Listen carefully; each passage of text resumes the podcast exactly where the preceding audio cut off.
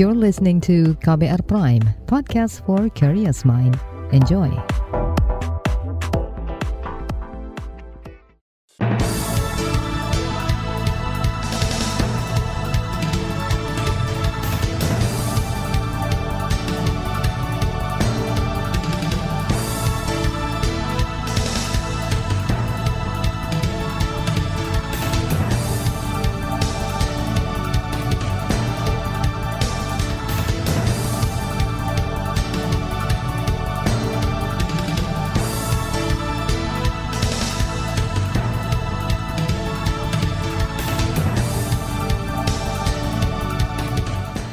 Selamat pagi saudara, senang sekali bisa menjumpai Anda kembali melalui program Buletin Pagi edisi Senin 18 Juli 2022. Saya Malika, sejumlah informasi pilihan telah kami siapkan, di antaranya pemerintah tak bisa andalkan booster untuk cegah lonjakan COVID-19.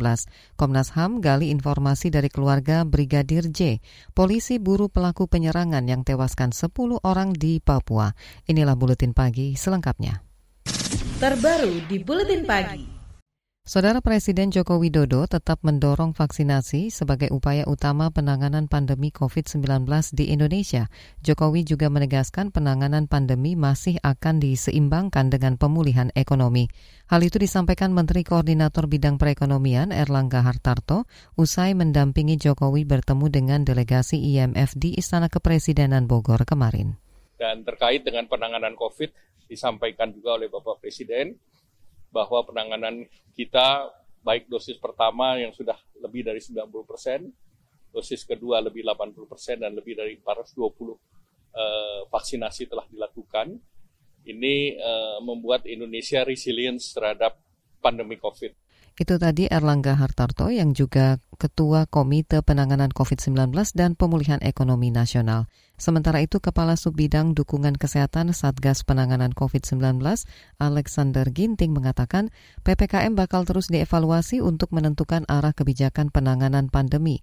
Sejalan dengan itu, kata dia, pengawasan dan penerapan protokol kesehatan akan diperketat. Salah satunya dengan penerapan vaksinasi booster sebagai syarat perjalanan yang mulai berlaku kemarin. Anggota Komisi Kesehatan DPR, Rahmat Handoyo, mendorong pemerintah menarik rem agar ada pengetatan protokol kesehatan, sebab menurutnya ada penurunan partisipasi masyarakat dalam program vaksinasi booster dan lengahnya kepatuhan terhadap protokol kesehatan. Saatnya kita tetap wajib protokol kesehatan. Nah, yang kedua itu juga belum cukup. Perlu adanya tracing yang ketat, kemudian ada surveillance yang uh, semakin masif. Karena dengan data yang saat ini sesuai dengan para ilmuwan, para akademisi menganggap bahwa bisa dua tiga kali lipat. Karena karena yang OTG juga banyak, yang gejala ringan juga tidak mau ke fasilitas kesehatan untuk di lakukan uji tes juga nggak mau. Nah ini juga menambah laju eh, apa namanya penularan. Anggota Komisi Kesehatan DPR Rahmat Handoyo mengatakan pemerintah perlu mengevaluasi penetapan level ppkm khususnya di wilayah yang mengalami lonjakan kasus seperti Jakarta. Apalagi Jakarta dikategorikan WHO ke level 3 transmisi COVID-19. Akhir pekan lalu, saudara kasus COVID-19 di Indonesia menembus 3.500-an. Jumlah ini meningkat hampir dua kali lipat sejak akhir Juni 2022. Juru bicara pemerintah untuk penanganan COVID-19, Reisa Broto Asmoro mengatakan, Indonesia kali ini kembali menjadi negara yang diperhatikan WHO karena tingkat positivity rate lebih dari 5 persen. Kata Reisa, peningkatan kasus ini kemungkinan adanya penyesuaian aturan di lapangan. Laporan WHO yang menetapkan DKI Jakarta sebagai wilayah di level 3 transmisi komunitas penularan COVID-19 direspon oleh pengurus besar Ikatan Dokter Indonesia. Ketua Bidang Penanganan Penyakit Menular ID, Agus Dwi Susanto mengatakan, kajian yang menganalisis tren kenaikan kasus harus dilakukan lebih cepat, sehingga pemerintah dapat segera mengambil tindakan tepat untuk menghadapi penularan COVID-19 saat ini kita memang perlu tetap harus waspada karena tren terjadinya kenaikan itu akan menjadi salah satu indikator kalau kenaikan itu terus meningkat. Nah, tentu peninjauan terhadap level PPKM itu harus dilakukan secara lebih cepat atau artinya pemantauannya untuk dilakukan suatu perubahan kalau dilihat trennya itu terjadi peningkatan terus-terusan maka perlu dipikirkan ke depannya tapi harus melihat berbagai aspek-aspek yang lain. Ketua Bidang Penanganan Penyakit Menular ID, Agus Dwi Susanto, mengklaim sudah merekomendasikan langkah antisipasi lonjakan COVID-19 ke pemerintah, mulai dari penggunaan masker di ruang terbuka hingga vaksinasi booster. Dia menekankan agar rekomendasi itu dilakukan menyeluruh, supaya resiko penularan lebih yang lebih masif di tengah masyarakat dapat dicegah dengan maksimal. Sementara itu, epidemiolog dari Universitas Griffith Australia di Kibudiman menilai vaksinasi booster tidak cukup untuk menekan laju penularan COVID-19 sebab masyarakat yang butuh perlindungan bukan hanya yang sudah menerima booster, tetapi juga anak-anak kecil atau orang-orang beresiko tinggi lainnya vaksin itu bukan solusi tunggal. Harus dengan 3T-nya, deteksi dan tracing kita kan pasif dan rendah. Nah ini harus ya sulit kalau mau masif ke agresif ya, karena kita nggak pernah masuk agresif. Setidaknya ditingkatkan lah. Dan 5M-nya ini yang penting. Kita juga harus membangun ya, sekali lagi komunikasi risiko ini harus dibangun terus menerus supaya masyarakat itu jadi tidak cepat euforia, ya, termasuk pemerintahnya juga sih sebenarnya. Epidemiolog dari Universitas Griffith Australia di Kibudiman mengatakan Indonesia bisa disebut siap menghadapi gelombang penularan COVID-19 jika strategi vaksinasi dibarengi dengan upaya pencegahan dari hulu. Selain itu, komunikasi resiko juga harus terus dibangun untuk mempertahankan kewaspadaan masyarakat sehingga masyarakat tidak mengabaikan tren kenaikan kasus COVID-19. Kata Diki, strategi penanganan COVID-19 yang komprehensif bisa menjadi modal pemerintah dalam menghadapi ancaman varian apa pun apa pun. Saudara Komnas HAM menggali informasi dari keluarga Brigadir J terkait kasus penembakan polisi. Tetaplah di Buletin Pagi KBR. You're listening to KBR Pride, podcast for curious mind. Enjoy!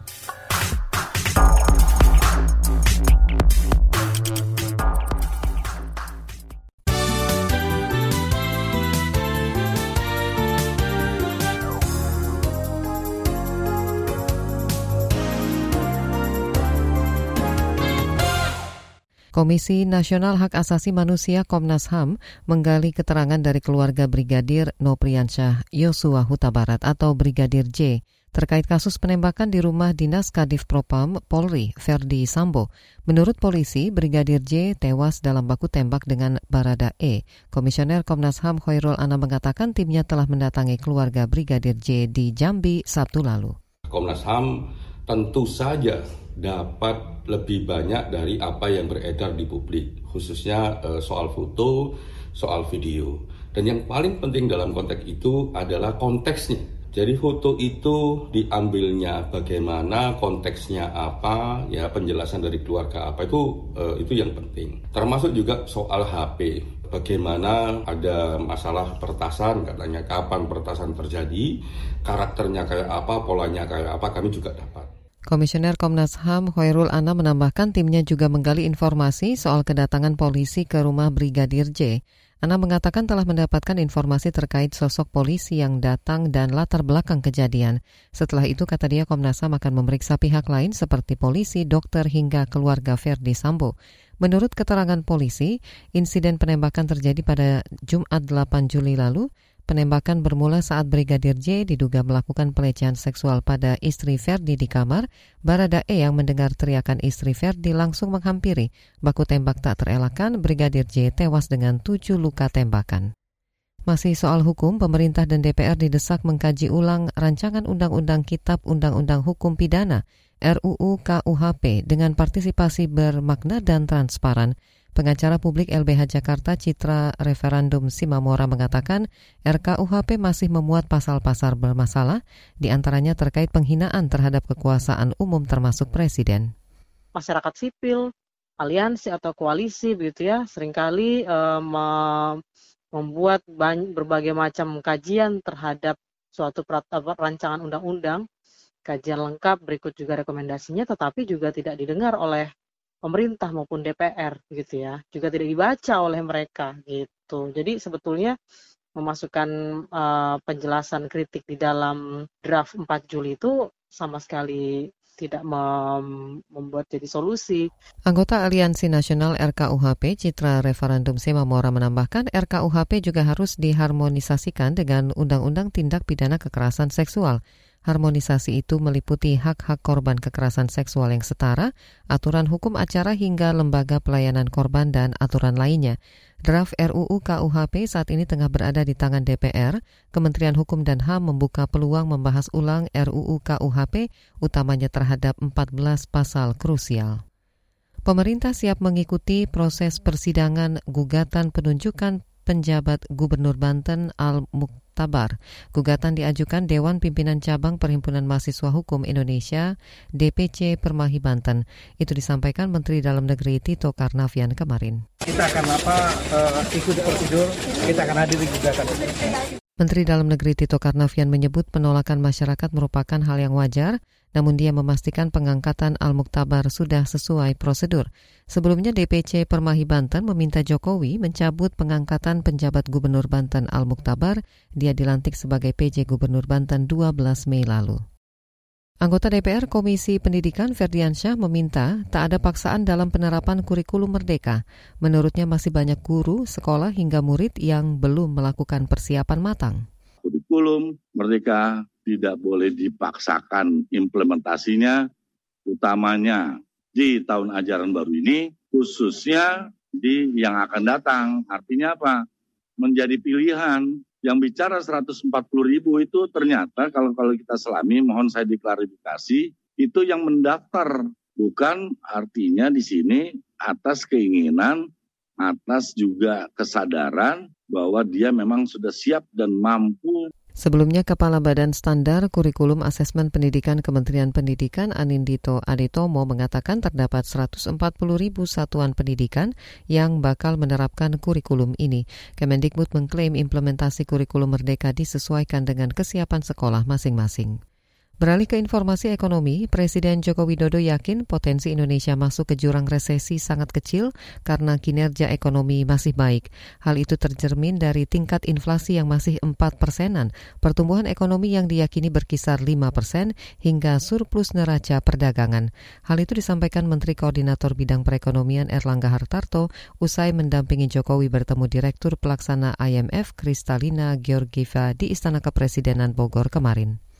Indonesia melihat bahwa situasi eh, domestik kita relatif baik. Beberapa negara masuk resesi, tetapi Indonesia terlihat potensi dari resesinya dibanding berbagai negara lain relatif sangat kecil, yaitu sekitar 3 persen. Kemudian tentu Indonesia berharap eh, IMF bisa terus mensupport kepemimpinan presidensi Indonesia di dalam G20 nanti dan juga Indonesia berharap bahwa emerging country dan narasi dari IMF tetap positif tentang Indonesia.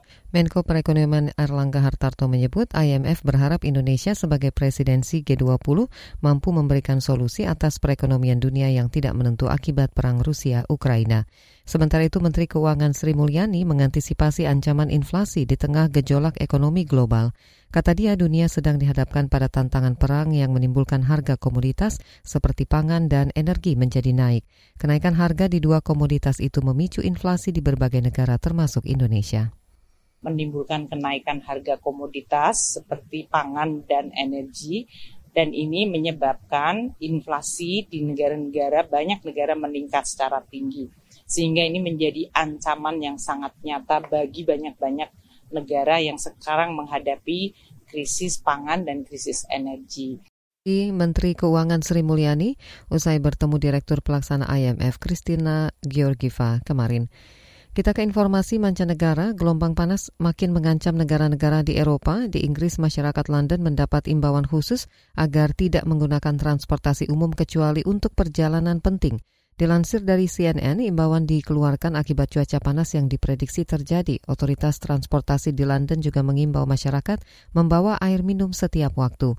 Kantor Meteorologi Inggris mengeluarkan peringatan gelombang panas mulai kemarin hingga Selasa mendatang. Suhu diperkirakan mencapai lebih dari 40 derajat Celcius. Suhu tinggi ini beresiko bagi penumpang transportasi umum karena dapat mengganggu jaringan listrik dan peralatan sinyal. Dari dunia olahraga, Indonesia memborong empat gelar dari ajang badminton Singapura Open 2022. Tiga gelar juara disumbang tunggal putra Anthony Ginting, ganda putra Leo Daniel, dan ganda putri Apriani Siti Fadia. Indonesia juga membawa pulang medali runner-up lewat Fajar Rian yang dikalahkan rekan senegaranya Leo Daniel. Capaian kontingen Indonesia ini mendapat apresiasi dari Presiden Joko Widodo. Saudara di bagian berikutnya kami hadirkan laporan khas KBR bertajuk Gerakan Sumut Mengajar Ajak Mahasiswa Mengabdi di Desa. Nantikan sesaat lagi. You're listening to KBR Pride, podcast for curious mind. Enjoy!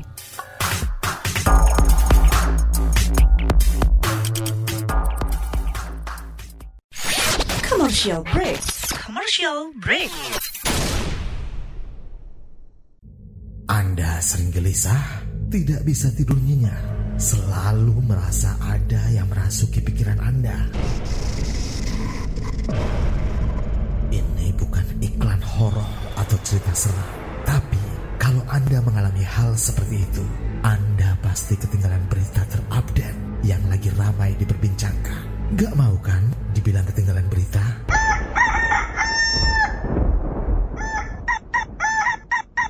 Makanya dengerin KBR Pagi, siaran pagi radio paling update, menghadirkan narasumber yang terpercaya dan kredibel. Banyak lagu-lagu dari zaman old sampai zaman now. Setiap hari Senin sampai dengan Jumat, mulai pukul 7 sampai 8 waktu Indonesia Barat. Bisa didengerin dari Aceh hingga Papua. Cukup satu jam saja untuk membuat kamu tetap update.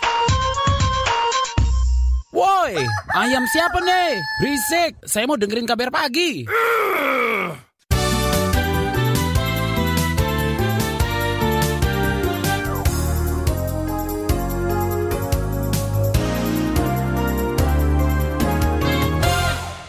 Kementerian Pendidikan Kebudayaan Riset dan Teknologi mencatat hampir 3.500 anak di Sumatera Utara putus sekolah pada 2020-2021. Faktor kemiskinan dan pandemi memaksa mereka bekerja ketimbang belajar. Fakta ini menambah daftar pekerjaan rumah yang sebelumnya sudah menumpuk, yakni kesenjangan pendidikan di daerah terpencil.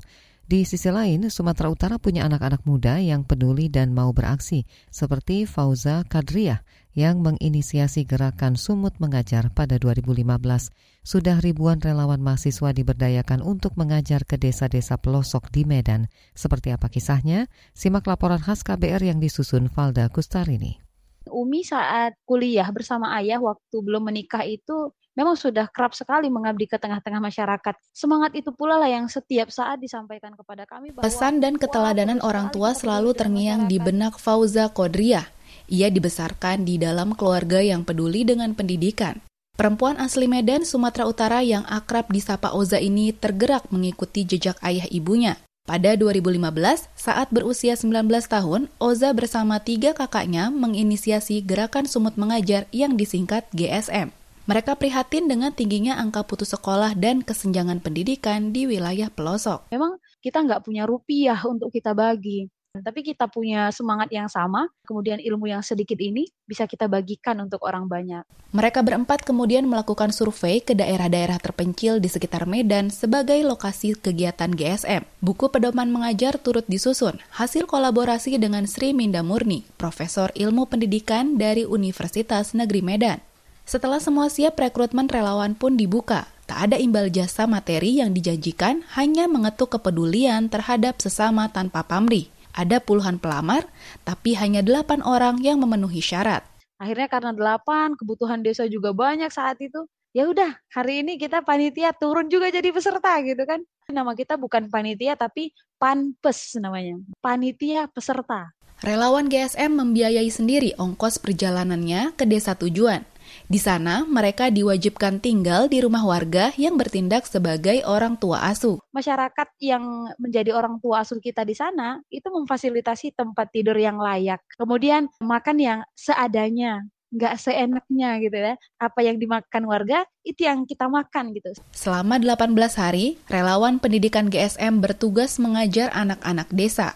Metodenya dikemas menyenangkan untuk memudahkan anak memahami dan mempraktikannya dalam kehidupan sehari-hari. Ayo kita buatlah learning by gaming, learning by traveling. Yang sering kita lakukan ya keliling gitu kan. Satu lagi learning by doing. Itu adalah misalnya kita buat kerajinan kak. Ingin ngubah, bener-bener ngubah negeri ini mulai dari pendidikan gitu kak. Karena anak-anak di pelosok sana gitu ya, mungkin untuk mereka belajar kurang Itulah motivasi Siti Hairunisa atau Nisa, relawan GSM Angkatan 10 yang mengabdi pada awal 2021 lalu. Di tengah pandemi COVID-19, ia bersama tiga relawan lainnya ditempatkan di Desa Sibolangit dan Karo. Kemarin kita lagi up COVID, jadi kan kita semua yang kuliah daring nih gitu. Jadi ada kesempatan juga. Makanya kayak jadi bisa dapat sekali dua nih kan pengabdiannya dapat, kuliahnya dapat. Kita uh, bagi waktu lah gitu. Jadi kita ngajar di waktu kita kosong gitu kan. Kita sesuaiin juga sama adik-adik di sana. Mahasiswa Fakultas Kesehatan Masyarakat Universitas Islam Negeri Sumatera Utara ini juga berkesempatan membagikan ilmu yang dipelajarinya di bangku kuliah. Kayak dari kesehatan lingkungannya gitu, ngajak adik-adik di sana untuk belajar hidup bersih lah gitu. Terus kayak selesai mereka main harus cuci tangan, kayak gitu. hal-hal sederhana kayak gitu aja gitu. Bagi Nisa, pengabdian selama di Karo jadi pengalaman tak terlupakan. Di Karo itu kita sampai tiga hari itu manggil adik-adik. Karena di uh, hari pertama kita manggil yang datang cuma tiga. Sedangkan kita pengabdian di sana itu hanya dua minggu. Kita benar-benar harus ngepus programnya kita sekurangnya itu gitu.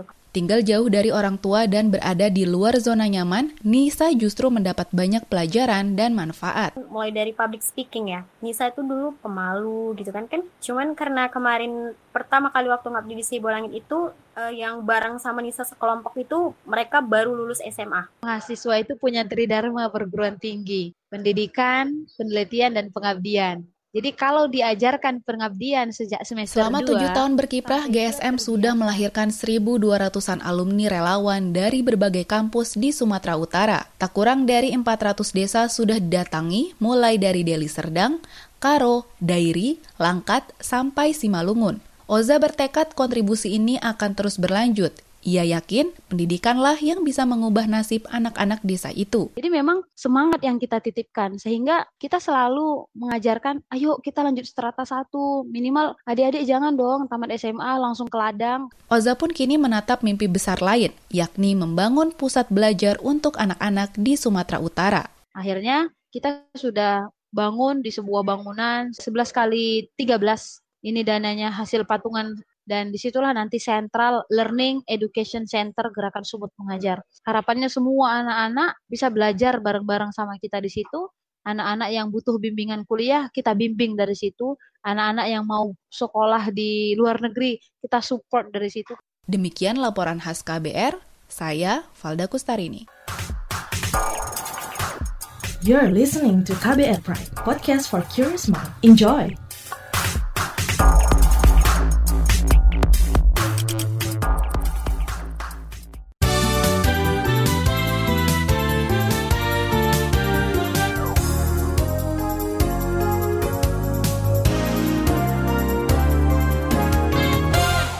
Polda Papua memburu pelaku penyerangan yang menewaskan 10 warga sipil dan melukai dua orang di distrik Kenyam, Kabupaten Duka, Sabtu lalu. Juru bicara Polda Papua Ahmad Mustafa Kamal mengatakan, berdasarkan hasil penyelidikan sementara, pelaku diduga Tentara Pembebasan Nasional Papua Barat TPNBPB, pimpinan Egyanus Kogeya. Saat ini kami dari uh, kepolisian Polda Papua dan Satgas Damai Karten masih mendalami motif-motif kekerasan yang dilakukan oleh uh, kelompok Ikian Sabuya di Kabupaten Luka. Kami sangat menyesalkan adanya kekerasan yang dilakukan oleh uh, kelompok kriminal senjata, tepatnya yang dilakukan oleh uh, kelompok Ikian Sabuya terhadap. Juru bicara Polda Papua Ahmad Mustafa Kamal mengatakan tim gabungan menyisir sekitar lokasi kejadian dan beberapa hutan yang diduga sebagai lokasi persembunyian kelompok pelaku. Lebih dari 20 hektar areal hutan lindung di Kabupaten Aceh Besar dan Aceh Tengah Provinsi Aceh ludes terbakar kemarin. Titik api juga merembet ke perkebunan dan jalan raya. Juru bicara Pusat Pengendalian Operasi Pusdalops Badan Penanggulangan Bencana Daerah Aceh Besar Muhammad Iqbal mengatakan sebagian besar kebakaran hutan dan lahan atau karhutla diakibatkan ulah manusia. Iya, iya di pinggir jalan itu bang. Kayaknya bakar-bakar sampah gitu bang. Iya, nggak ada diawasi kan untuk kondisi cuaca. Ini udah hampir setiap hari ini Pak ada. Lahan itu hampir setiap hari bang. Juru bicara Pusdalops Badan Penanggulangan Bencana Daerah Aceh Besar Muhammad Iqbal menghimbau masyarakat tidak membakar sampah di area hutan, apalagi saat ini tengah memasuki musim kemarau. Indikasi pencemaran di Sungai Musi, Palembang makin parah. Kondisi itu diungkap tim ekspedisi Sungai Nusantara ESN bersama Perkumpulan Telapak Sumatera Selatan dan Spora Institut Palembang. Dikutip dari antara peneliti ESN Prigi Arisandi, usai penyusuran sungai kemarin mengatakan indikasi pencemaran didukung makin sulitnya ditemukan ikan di Sungai Musi, padahal air Sungai Musi menjadi muara dari puluhan anak sungai di Sumatera Selatan. Menurutnya tingginya aktivitas alih fungsi lahan di hulu dan aktivitas tambang tanpa izin menjadi penyebab pencemaran sungai. Selain itu adanya perkebunan sawit dan pencemaran industri serta sampah plastik juga memperparah kondisi pencemaran di Sungai Musi. Tingginya tingkat pencemaran bahan kimia memicu gangguan reproduksi ikan yang berdampak pada menurunnya populasi. Informasi tadi menutup jumpa kita di Buletin Pagi hari ini. Pantau juga informasi terbaru melalui kabar baru, situs kbr.id, Twitter kami di akun @beritaKBR, serta podcast di alamat kbrprime.id. Saya Malika bersama tim yang bertugas undur diri. Salam.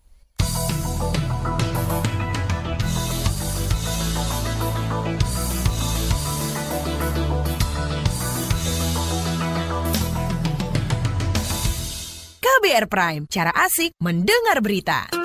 KBR Prime, podcast for curious mind.